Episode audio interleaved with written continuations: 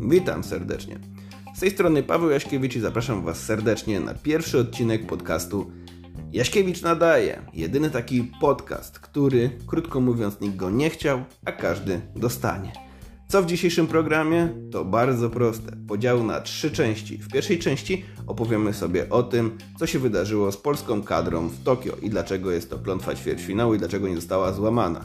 Bo to jest jednak mimo wszystko klęska, o której opowiem i postaram się wyciągnąć wnioski. Jeśli chodzi o Igrzyska Mężczyzn i Igrzyska Kobiet, to będzie w drugiej części. Tu podsumujemy sobie, powiemy, kto nas oczarował, rozczarował, a na koniec zostawiłem sobie wisienkę na torcie, czyli Pre-Zero Grand Prix rozgrywane w Katowicach i w Gdańsku, czyli plażowe rozgrywki naszych ligowych zespołów z Plus Ligi, Tauron Ligi, Tauron pierwszej ligi i pierwszej ligi kobiet. Serdecznie zapraszam. Jesteśmy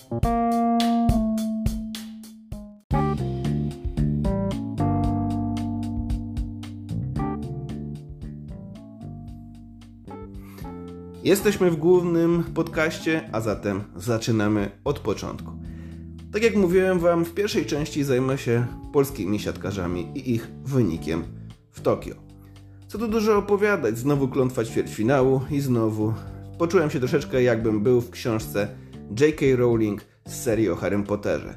Jakaś klątwa, jakaś magia, jakieś złe czary, Ciężko to nawet powiedzieć. Nie wiem, kto był e, Malfoyem, a kto był słynnym Voldemortem. No ale krótko rzecz ujmując, znowu ta klątwa. Klątwy to zwykle jest magia, a dla mnie zwykle w sporcie nie ma magii ani nie ma szczęścia, tylko jest ciężka, ciężka praca. Jest takie piękne powiedzenie, dokładnie mówiąc Alberta Einsteina, że szaleństwem jest robić to samo i oczekiwać różnych rezultatów. Wittelheinen prawdopodobnie nie czytał tego, albo jeśli czytał, to chciał po prostu być znowu wizjonerem i znowu coś chciał zrobić odwrotnie niż wszyscy, by wyszło na dobre. No i trzeba powiedzieć sobie otwarcie, o ile. Jeśli chodzi o 2018 rok, to przypomnę raz jeszcze, przyszedł do PZPS-u i powiedział, że on przywiezie nam z Tokio medal. Czy przywiózł? Nie przywiózł. No ale zacznijmy od początku. 2018 rok, powołanie Heinena na trenera kadry narodowej i co się dzieje? Wygrywa Mistrzostwa Świata, następnie zdobywa brązowy medal w Lidze Narodów, no i zdobywa legendarny brąz w Mistrzostwach Europy z Leonem. W składzie. Co jest wspólnego z tą całą sytuacją? Ano to, że skład oprócz Leona generalnie nie ulegał zmianie. Ale o co chodzi? Chodzi o to, że zajmujemy się w tym momencie 2021 rokiem. Przepatrzyłem sobie wszystkie mecze, które rozgrywane były na poważnie od momentu, kiedy został Vital Heinen powołany. I trzeba sobie powiedzieć jasno, że zawsze w tym składzie był Michał Kubiak.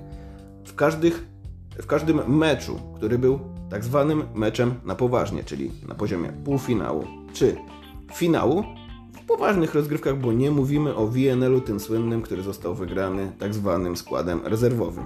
Tylko mówimy o tych rozgrywkach, które traktowaliśmy poważnie. Mistrzostwa Świata, Kubiak tam był.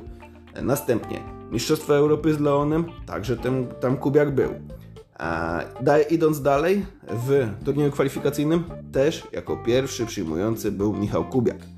Drugim był dopiero Leon, no i w 2021 roku, także gdy przyszło do gry o medale w WNL-u w Rimini, także w składzie rozpoczynał to Kubiak, Leon. To była para przyjmujących. O ile Leon ze swojej e, dyspozycji się, w zasadzie ze swojego zadania się wywiązał w dobrej dyspozycji, tak jeśli chodzi o Michała Kubiaka, tu mamy kilka wątpliwości. Ale dojdźmy do sedna sprawy. Jeżeli Vital Hayden przez tyle, tyle meczów poważnych cały czas wraca do Kubiaka, zadaje proste pytanie. To po co było brać 30 zawodników na WNL, skoro mamy sytuację, w której zawsze w meczu o stawkę stawiał na Kubiaka?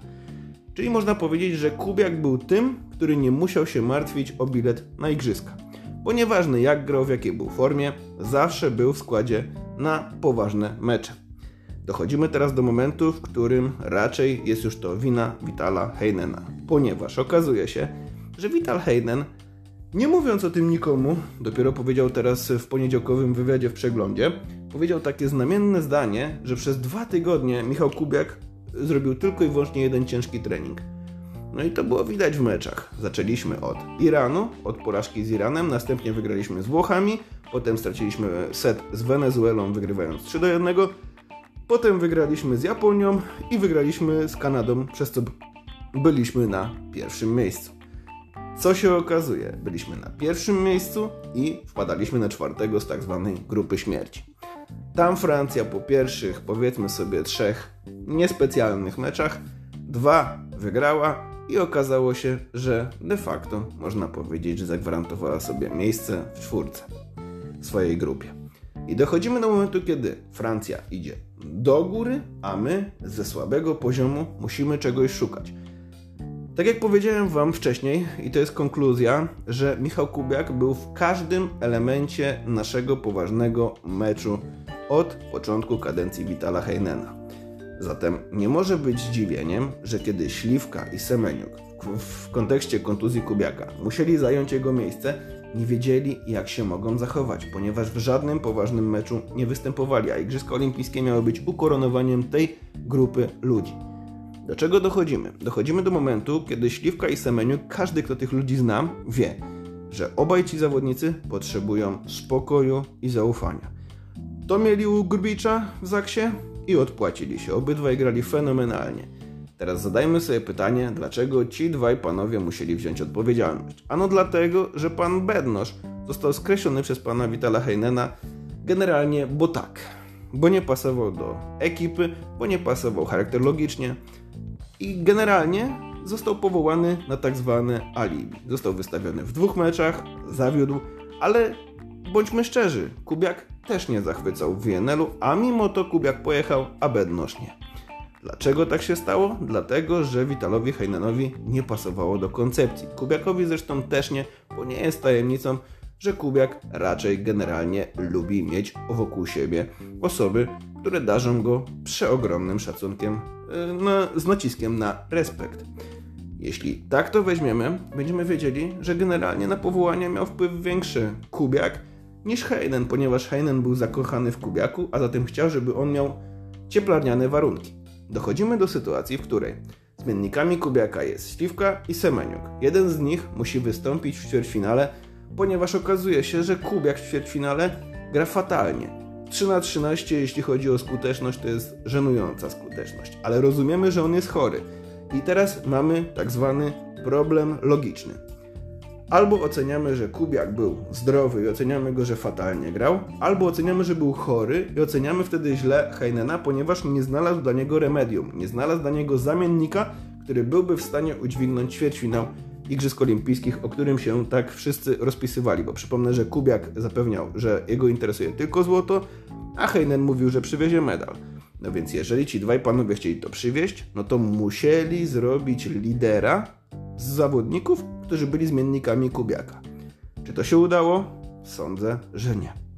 Ale abstrahując od tego wszystkiego, w tym meczu konkretnym z Francją, o który nam chodziło, do którego wszyscy się przygotowywaliśmy, było wiele elementów niespójnych, ponieważ mieliśmy świetnego Kurka, świetnego Leona i ci dwaj zawodnicy pociągnęli ten mecz. Spowodowali, że mogliśmy marzyć o tym, że ten półfinał jest bliżej niż dalej. To było 2 do 1, 7 do 4 a wtedy coś się zepsuło, no i skoro się zepsuło, no to oczywiście musiało się już zepsuć na amen. Potem już Francuzi się bawili, Ngapet się bawił, wszyscy się bawili i generalnie było fajnie. A wszystko zaczęło się od zmiany rozgrywającego. W wywiadzie dla przeglądu sportowego trener Vital Heinen powiedział, że po prostu nie mógł zmienić e, nałomacza, ponieważ po prostu taką miał taktykę, więc jego taktyka uwaliła ten cały projekt. No bo skoro nie wpuszczał łomacza, no dlaczego miał go wpuścić yy, w odpowiedzi na zmianę Laurenta Tilliego, który zmienił swojego pierwszego rozgrywającego, pana Toniutiego i zamienił go Blizzardem i dlatego oni cieszą się ze złota, a my mówimy o tak zwanej klątwie ćwierćfinału. Klątwa ćwierćfinału to jest jedna rzecz, natomiast trzeba sobie odpowiedzieć na proste pytanie. Czy Vital Heinen podołał temu zadaniu? Odpowiedź brzmi nie, nie podołał, ponieważ miał konkretny cel, miał konkretne elementy i nie potrafił tego skleić, przez co nie ma możliwości, by on po Mistrzostwach Europy jakby funkcjonował dalej jako trener kadry. Jeszcze jedna ciekawostka, o której nie wszystkim mówiłem, ale zawsze warto o niej powiedzieć. Jeśli popatrzymy sobie na naszą reprezentację, mieliśmy być może najmocniejszą kadrę od lat. Genialny Kurek, genialny Leon, średni albo może nawet i chwilami słaby Drzyzga, chociaż akurat w meczu ćwierćfinałowym raczej nie można mieć do niego pretensji. Troszkę słabszy chyba niż zwykle Zatorski, no i ci środkowi, którzy rotowali, wiadomo, że Kochanowski nie podołał. Nowakowski chyba jak na tyle medali, ile przywiózł z polską kadrą, chyba zagrał słabiej. No i Bieniek, który był jedyny w formie. Reszta się absolutnie nie zgadza. I teraz pytanie, po co była selekcja w WNL-u, skoro i tak wiedzieliśmy, że takim zagramy składem? Ano dlatego, że pan trener Vitar Heinen jest bardzo dobrym PR-owcem. Wszystkich zahaczał o tą swoją wielką, fantastyczną, dobrą energię. Świetnie powiedział na rozdaniu e, tych e, słynnych, e, na gali przeglądu sportowego, na rozdaniu e, tytułów dla najlepszej drużyny i dla najlepszego sportowca roku tam powiedział po polsku, mówił też po polsku, śpiewał hymn. Generalnie bardzo fajny facet, no tylko że niestety w sporcie liczą się wyniki. Skoro nie było wyników, no to nie można patrzeć na to, że pięknie mówił albo podawał kawę w misji olimpijskiej, co pan Parfianowicz napisał na Twitterze. Reasumując, dochodzimy do momentu, kiedy mamy jeszcze Mistrzostwa Europy w tym sezonie, no i teraz trzeba podjąć decyzję, co zrobimy. Pan Heinen powiedział, że dołączy trzech, choć de facto dołączy tylko dwóch, bo jednego będzie musiał zamienić, czyli Tomek Fornal wejdzie albo za jednego przyjmującego, albo pojadą na pięciu przyjmujących, co jest nierealne, więc jeden musi być skreślony. I prawdopodobnie będzie skreślony Kubiak, no bo po pierwsze nie ma zdrowia, po drugie chyba mu się już nie chce, a po trzecie patrząc pod, przez to wszystko co robi, wychodzi, że pan Kubiak niestety już jest głową gdzieś indziej. I myślę, że bez Kubiaka Mamy jakieś tam iluzoryczne szanse. Oczywiście będzie można to wszystko pudrować tym, że Mistrzostwa Europy, ale przypomnijmy, Francuzi będą po ciężkim turnieju olimpijskim, więc nie sądzę, żeby przywieźli poważną drużynę. Jeżeli przywiozą, to będą zmęczeni. E, psychicznie i fizycznie. Rosjanie to samo. Kto zostanie na placu boju? Serbia, Słowenia, może Włochy odnowione, chociaż bez osmanego Juan co bardzo utrudni im granie o najwyższe cele. No i bardzo ciekawa reprezentacja Niemiec. To wszystko dzieje się w Polsce. Teraz pytanie, czy my chcemy znowu w Polsce przeżywać jakąś gorzką pigułkę? Wydaje się z tego, co mówi trener Vital Heinen, to on raczej już tonuje te nastroje. On chce, żeby fajnie zakończyli ten sezon siatkarze, ale zapomina o tym, że gramy u siebie i gramy w Mistrzostwach Europy, które warto byłoby wygrać, żeby pokazać, słuchajcie, może na Igrzyskach nam nie wyszło, ale na Mistrzostwach Europy wyszło nam genialnie. Reasumując, wydaje mi się, że za ten blamasz, no bo chyba tak to trzeba powiedzieć, za ten kolejny ćwierćfinał, którego nie mogliśmy przejść, odpowiadają dwie osoby. Heinen i Kubiak. Kubiak, że zmanipulował tą całą sytuacją i powiedział, zamiast powiedzieć, słuchajcie, nie mam zdrowia, bo to chyba widział na WNL-u, że jest nie w formie i nie ma zdrowia, mógł powiedzieć, słuchajcie, grajcie innym składem i ja ewentualnie wejdę jako strażak, jako ten, który może pociągnąć tą drużynę. Nie powiedział tak, ponieważ prawdopodobnie chciał z siebie e, ściągnąć jakieś tam podejrzenia o bycie słabym, e, niewalczącym, natomiast niestety utopił tę drużynę. Heinen dokonał fatalnej selekcji, bo jak widzimy, mieliśmy tylu przyjmujących, a na koniec wyszło, że mamy tylko jednego, który może zagrać na poważnym poziomie w ćwierćfinale Igrzysk Olimpijskich, które były imprezą docelową i które wciąż są dla nas imprezą niezdobytą, ponieważ przypomnę, że pierwszy i jedyny medal na Igrzyskach Olimpijskich, jeśli chodzi o siatkarzy, zdobyliśmy 45 lat temu. Co oznacza, że być może kiedy, kiedy będzie 48 rocznica, wtedy być może w Paryżu coś się zmieni. Natomiast szanse na to są niewielkie, powiedziałbym. To tyle, jeśli chodzi o naszych siatkarzy. Koniec pierwszej części. Za chwilkę wracamy na drugą część, gdzie podsumujemy sobie turniej olimpijski siatkarzy i siatkarek. Zapraszam.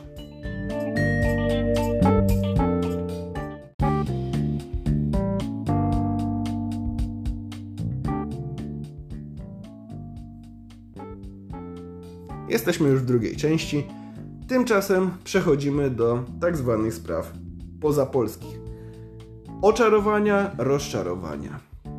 Zacznijmy od turnieju kobiecego, bo jesteśmy dżentelmenami. W turnieju kobiecym rozczarowaniem są na pewno Chinki, gdzie Jenny Langping chciała pięknie zakończyć swoją pracę w kadrze.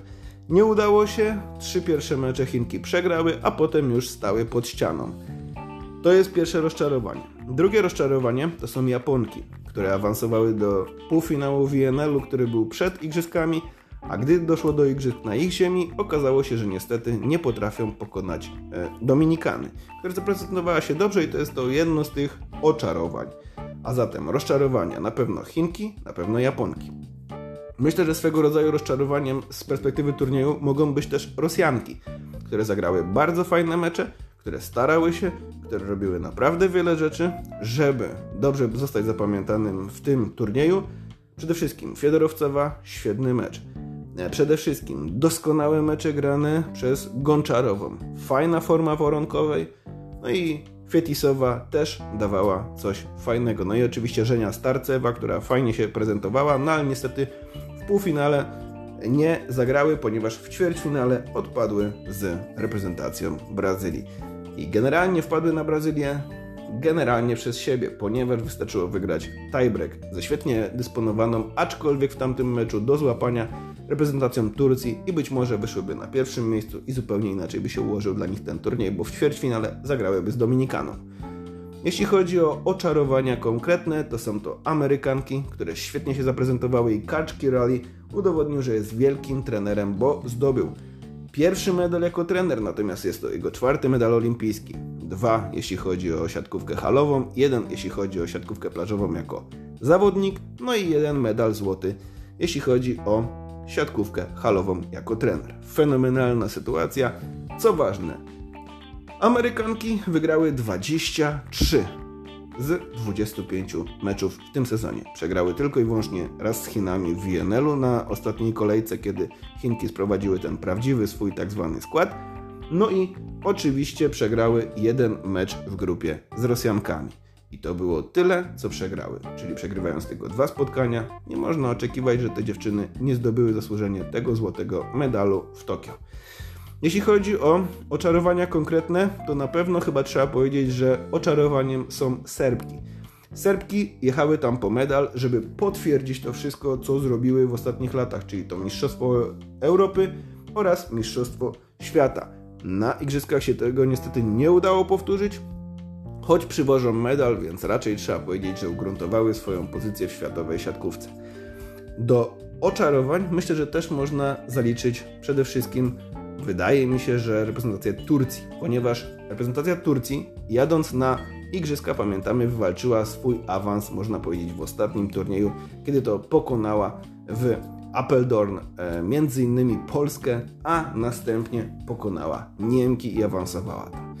Giovanni Guidetti, piękna praca, fenomenalnie to wszystko zrobił, no niestety w ćwierćfinale tutaj łyżka dziegciu, przegrały z Koreą. I właśnie ta Korea jest dla mnie kolejnym oczarowaniem, ponieważ Koreanki udowodniły, że naprawdę potrafią fajnie grać w siatkówkę. Oczywiście Kim chciała przyjechać z medalem z Tokio, natomiast jej się to nie udało, bo jak wiemy w o ile w meczu ćwierćfinałowym wygrały z Turcją, tak niestety w półfinale i Mecz o trzecie miejsce zostały zgruzowane, mówiąc konkretnie, przez Brazylię oraz przez Serbię i niestety nie znalazły się na medalowym podium. Brazylia jest zespołem, który ewidentnie nie można ocenić jednowymiarowo, ponieważ z jednej strony mają srebrny medal, choć prawdopodobnie liczyły na złoto. No ale nie udało się niestety tego zrobić, a więc wracają ze srebrem, więc tak ciężko powiedzieć, czy to jest rozczarowanie, czy oczarowanie. No na pewno dobry turniej w wykonaniu Brazylii, kolejny potwierdzający i ugruntowujący ich tą y, wysoką jakość, jeśli chodzi o zespoły żeńskie. Przypomnijmy jeszcze raz: złoto dla Amerykanek, Brazylijki na miejscu drugim, na miejscu trzecim Serbki. Jeśli chodzi o rozczarowania, nie można zapomnieć o zespole włoskim. Pamiętamy, y, były tam y, dziewczyny, które zdobywały wraz z Joanną Wołosz złoty medal, jeśli chodzi o Ligę Mistrzów. Okazało się jednak, że Egonu czy Foli, czy Bossetti nie potrafią tej drużyny pociągnąć do wysokich celów. No i niestety odpadły z Serbkami bezdyskusyjnie, jeśli chodzi o ćwierćfinał. No i trzeba sobie powiedzieć jasno, że chyba ten ćwierćfinał absolutnie zostanie im zapamiętany.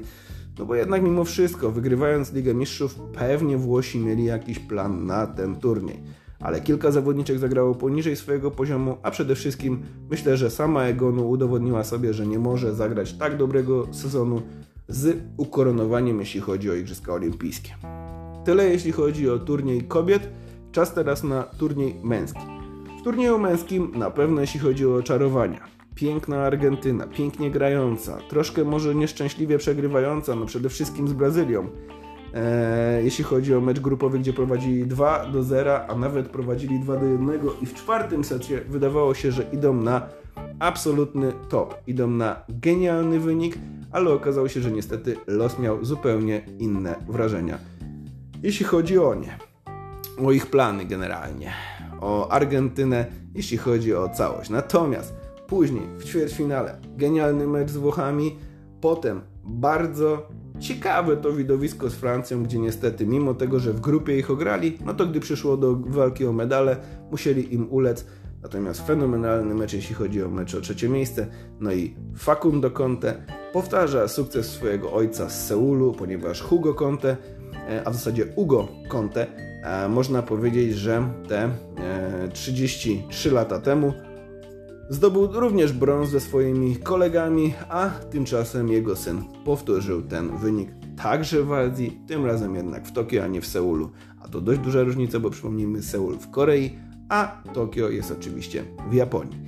Jeśli chodzi o kolejne oczarowania, na pewno zasługuje na to reprezentacja Rosji. Mimo porażki w finale z Francuzami, ewidentnie pokazali, że są ekipą, która musi się, z którą każdy się musi liczyć, no bo kiedy przyszedł tam Thomas Samelwło, to na pewno pokazał, że potrafi zrobić coś z tych ludzi i naprawdę potrafi ulepić super fajną drużynę, która co prawda zdobyła tylko srebro, choć szczerze mówiąc z naszej perspektywy tylko srebro brzmi dość buńczucznie i dziwnie.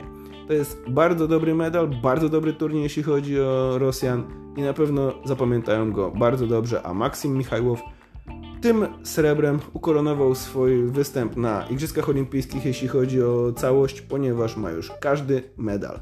Ma i złoty, i srebrny, i brązowy w swojej karierze. Jeśli chodzi o Brazylijczyków, tu na pewno wielki zawód, ponieważ wydawało się, że są murowanym faworytem do finału z Polską. Polska oczywiście w tym finale się nie znalazła, natomiast Brazylijczycy też się nie znaleźli troszkę na własne życzenie. Prowadzili 20 do 14 w czwartym secie półfinału i przegrali. A potem jak przegra, a w zasadzie w trzecim secie a, półfinału, a zatem generalnie mieli już autostradę do tego. Ale przegrali, a potem przegrali czwartego seta. No i niestety musieli zadowolić się meczem o trzecie miejsce, w którym zostali również ograni przez swoich można powiedzieć chyba, że no, ubogich krewnych to chyba nie można powiedzieć. Natomiast na pewno drużynę słabszą, jeśli chodzi o tak zwane papiery siatkarskie. A jednak wygrała Argentyna, a nie Brazylia. Jeśli chodzi o tamtą grupę, na pewno wielkim przegranym są Stany Zjednoczone, które żyją od igrzysk do igrzysk. Drużyna prowadzona przez e, Johna Spiroa naprawdę nie podołała temu zadaniu ewidentnie coś się wypaliło w tej drużynie. No i generalnie wychodziło, że tak, Sander po pierwszym super meczu z Francją, potem gasł. No i zgasł tak, że w meczu z Argentyną był generalnie nieobecny. E, TJ DeFalco udowodnił, że raczej nie jest zawodnikiem na wielkie granie na igrzyskach, żeby ciągnąć tą drużynę. Matt Anderson troszkę niewyraźny, Micah Christensen też słabszy. No, Smith e, David też raczej e, nie zagrał genialnego turnieju. No i jeśli chodzi o tych, którzy zagrali dobrze, no to chyba na uwagę zasługuje generalnie Eric Shoji. A tak, to niestety ta drużyna udowodniła, że w tym konkretnym roku, ten rok przełożenia Igrzysk Olimpijskich, zaburzył im troszeczkę granie, no bo nie było też Arona Russella, ale to absolutnie nie powoduje, że nie powinni, w zasadzie nie powoduje, że możemy ich usprawiedliwiać, że nie ma ich w ćwierćfinale.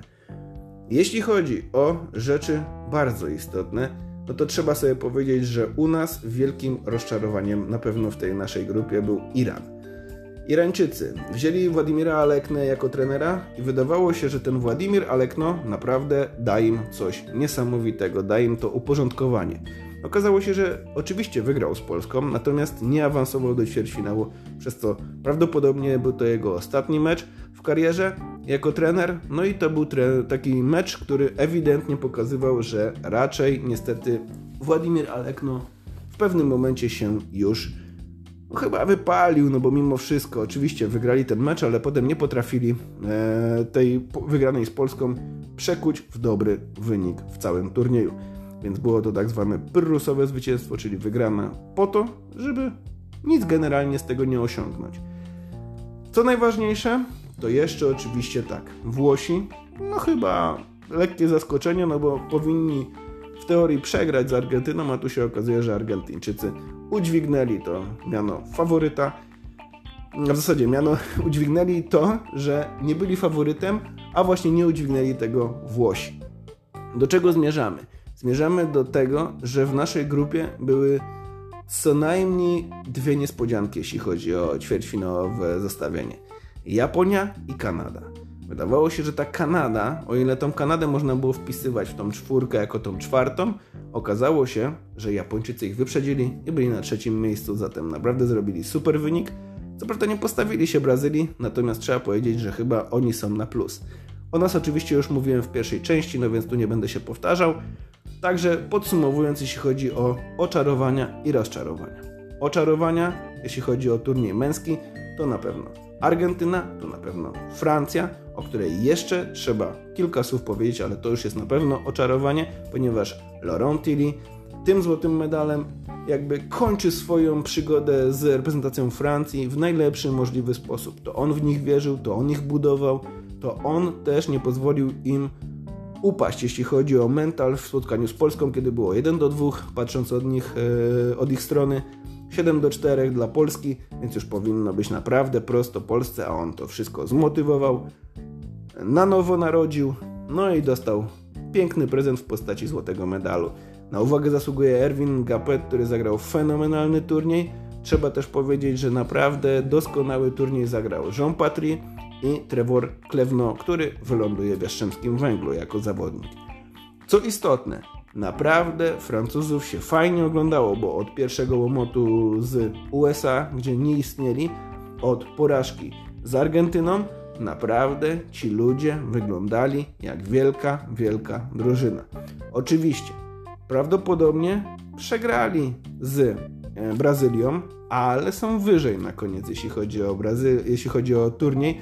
No więc trzeba powiedzieć, że ta wygrana Brazylii z Francją była taką wygraną właśnie z cyklu tych pyrrusowych, czyli niby wygrali, natomiast co tu dużo opowiadać, raczej nikt tego mocno nie zapamięta. Jeśli chodzi o, tak jak powiedziałem, te oczarowania, no to Francja, no to jeśli chodzi o mnie, to Rosja. Jeśli chodzi także o moje subiektywne spojrzenie, to jest to Argentyna, co mówiłem już, że jakaś pewna klamra się, jeśli chodzi o między innymi rodzinę Conte, się zamknęła. Genialny De dobry Palacios i generalnie taki średni, natomiast na pewno mniej psujący niż, a, niż by się wydawało. Lima, który gorzej może atakował, natomiast efekt końcowy był taki, że potrafił się z każdego swojego złego zachowania jakoś przywrócić do ustawień fabrycznych. I tak to wygląda. Jeszcze raz przypomnijmy. Francuzi na pierwszym miejscu, Rosjanie na drugim, no i Argentyńczycy na trzecim. To by było tyle, jeśli chodzi o podsumowanie męskiego i żeńskiego turnieju e, na Igrzyskach Olimpijskich w Tokio, a teraz czas na trzecią część i w tej części porozmawiamy o graniu na plaży, jeśli chodzi o mężczyzn i kobiet w naszym ligowym wydaniu, bo tam działo się myślę, że dużo, ale trzeba też to skondensować i powiedzieć sobie jasno, czy ten turniej mógł nam coś powiedzieć o ligowych rozgrywkach. Zapraszam do trzeciej części.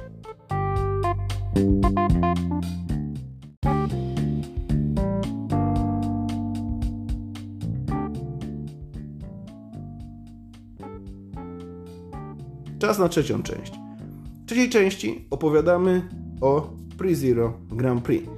Pre-Zero Grand Prix to było naprawdę fajne widowisko. Kilka razy oglądałem te mecze. Oczywiście na piasku się zupełnie inaczej gra. Były takie, można powiedzieć, kombinacyjne te zespoły, ponieważ przypomnę, że w tych rozgrywkach y, triumfowały zespoły odpowiednio, jeśli chodzi o kobiety, Impela Wrocław, który znany jest też jako Impel Volley Wrocław, ponieważ Volley Wrocław jest to jego tak zwana nazwa klubowa, natomiast na tym turnieju był Impel Volley Wrocław. I to było pierwsze miejsce. Drugie miejsce zajęły dziewczęta z Nowego Dworu Mazowieckiego, a trzecie na podium zajęły miejsce siatkarki BKS-u Bostik Bielsko-Biała. Co tu dużo opowiadać? Turniej kobiecy troszkę chyba był w lepszych warunkach atmosferycznych, ale na pewno jeśli chodzi o poziom sportowy, nie rozpieszczało to wszystko, ale też i nie mogło, ponieważ są to przygotowania do prawdziwego grania, które zaczyna się w hali e, już e, pod koniec września.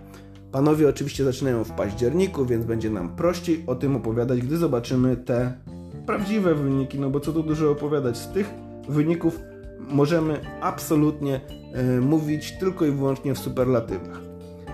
Jeśli chodzi o turniej panów, który został rozegrany tydzień później, tutaj już naprawdę było bardzo, ale to bardzo interesująco. Mianowicie na pierwszym miejscu skończyli ten cały turniej siatkarze Indyk PolZS Olsztyn. Drudzy byli siatkarze projektu Warszawa, a na trzecim miejscu stanęli siatkarze Staropolanki Kuprum Lubin, bo tak kazali się tytułować w tym zacnym turnieju. Czy tam się działo? Tak, najwięcej działo się meteorologicznie, bo była burza pierwszego dnia e, i było jakby. Nie były to warunki do grania, natomiast nie można tego usprawiedliwiać, ponieważ kilku siatkarzy pokazało się z dobrej strony, kilka klubów pokazało, że potrafi grać w siatkówkę na plaży i kilka zespołów pokazało, że naprawdę chce to robić i robi to fajnie.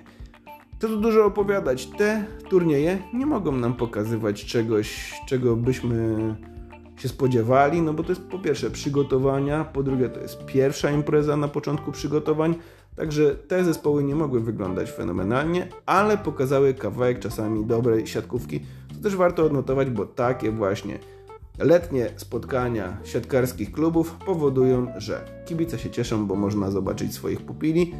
E, jeśli chodzi o e, zawodników, to oni też mogą przetrzeć jakby szlaki przygotowaniach, mogą też zobaczyć się, poznać. Także środowisko siatkarskie jest bardzo dobrze jakby skondensowane w tej całej sytuacji. Jest też próbka dla nowych sędziów, którzy chcą posędziować te spotkania i chcą pokazać się z zupełnie innej strony niż zawsze. Impreza raczej dopisała, z tego co widziałem, dużo było dziennikarzy na tym e, Grand Prix, e, jeśli chodzi o mężczyzn, jeśli chodzi o kobiety, też było sympatycznie. Prowadzili to naprawdę fajni ludzie. No tylko prawda jest taka, że z takich turniejów nie można sobie absolutnie niczego e, jakby tworzyć, ponieważ te turnieje to są turnieje raczej takie z cyklu potańczmy, pobawmy się, przy okazji też pograjmy, natomiast najważniejszym celem jest to, że były bardzo fajne nagrody, że było fajnie, śmiesznie, sympatycznie. No niestety nie dla każdego, bo były też takie zespoły, które przegrywały dwukrotnie, bo było to prowadzone tak, sam, tak zwanym systemem rosyjskim, czyli dwie porażki dopiero eliminowały, bo była prawa i lewa strona drabinki. Jeśli chodzi o te mecze, wydaje mi się, że wszyscy, którzy tam uczestniczyli, wiedzą jedno. Takie coś jest potrzebne, żeby marketing sportowy siatkówki szedł do góry, żeby wszyscy rozumieli, po co my tak właściwie jesteśmy. Bo siatkówka jest sportem wyjątkowym, co już ktoś kiedyś powiedział. I na koniec takie jakby podsumowanie ode mnie. Te siatkarskie igrzyska, które były, wydają się być turniejem dla nas przegranym, chociaż najważniejsze jest to, żeby z porażek wyciągać wnioski. Mam nadzieję, że wnioski zostaną wyciągnięte odpowiednie, a ludzie, którzy są odpowiedzialni za ten wynik, zostaną pociągnięci do odpowiedzialności i wszyscy razem dojdziemy do takiego momentu, że będziemy w stanie powiedzieć sobie jasno: tak, zrobiliśmy wszystko, by w Paryżu być na podium. Już nawet nie mówimy o złotym medalu, tylko oby być na podium. Czas teraz przewietrzyć kadry, zobaczyć kogo możemy dokoptować do tego składu i przede wszystkim kto może w tym roku 2024 wystrzelić tak, aby był elementem dodanym tej kadry. Bo to, że będzie tam Kurek, daj Boże i Leon to wiemy, natomiast musimy mieć pewnych do nich zawodników, którzy spowodują, że ich gra nie będzie tylko i wyłącznie wyznacznikiem poziomu kadry, tylko będziemy mieli moment, w którym powiemy, że mamy sześciu super graczy albo mamy choćby super drużynę. Co do trenera, moim zdaniem Hayden nie może kontynuować pracy, ponieważ nie osiągnął celu, nie zrobił tego, co miał założone i przede wszystkim popełniał te same błędy, jeśli chodzi o ustawienie kadry, jeśli chodzi o ustawienie wyjściowej szóstki. Nie zbudował nam nowych zawodników, którzy przyszli z zespołu, który wygrał Ligę Mistrzów, a zatem Semeniuka i Śliwki i spowodował, że tacy zawodnicy jak Bednosz, Fornal zostali odstrzeleni jakby z automatu, więc nie możemy tworzyć sytuacji, w której on nie poniesie konsekwencji. Jeszcze jedna ważna rzecz w kontekście kadry. Musimy zrozumieć, że przychodzą wybory w PZPS. Czy te wybory przyniosą nowego prezesa? Czas pokaże.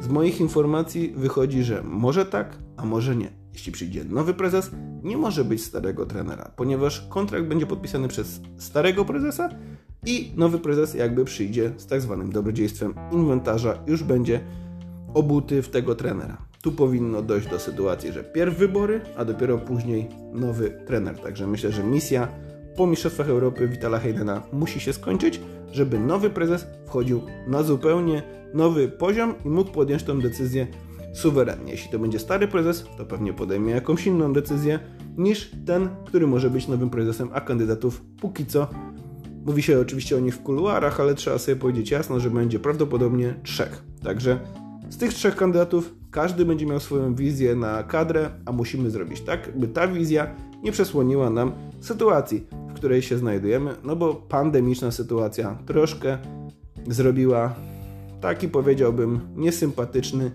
e, klimat, ponieważ jest coraz mniej pieniędzy, no ale trzeba zrobić tak, żeby siatkówka tych pieniędzy nie straciła. To tyle jeśli chodzi o mój podcast dzisiejszy. Za uwagę Wam bardzo dziękuję i zapraszam na kolejny już w kolejną środę. Serdecznie pozdrawiam i życzę miłego dnia. Paweł Jaśkiewicz, Jaśkiewicz nadaje. Pozdrawiam.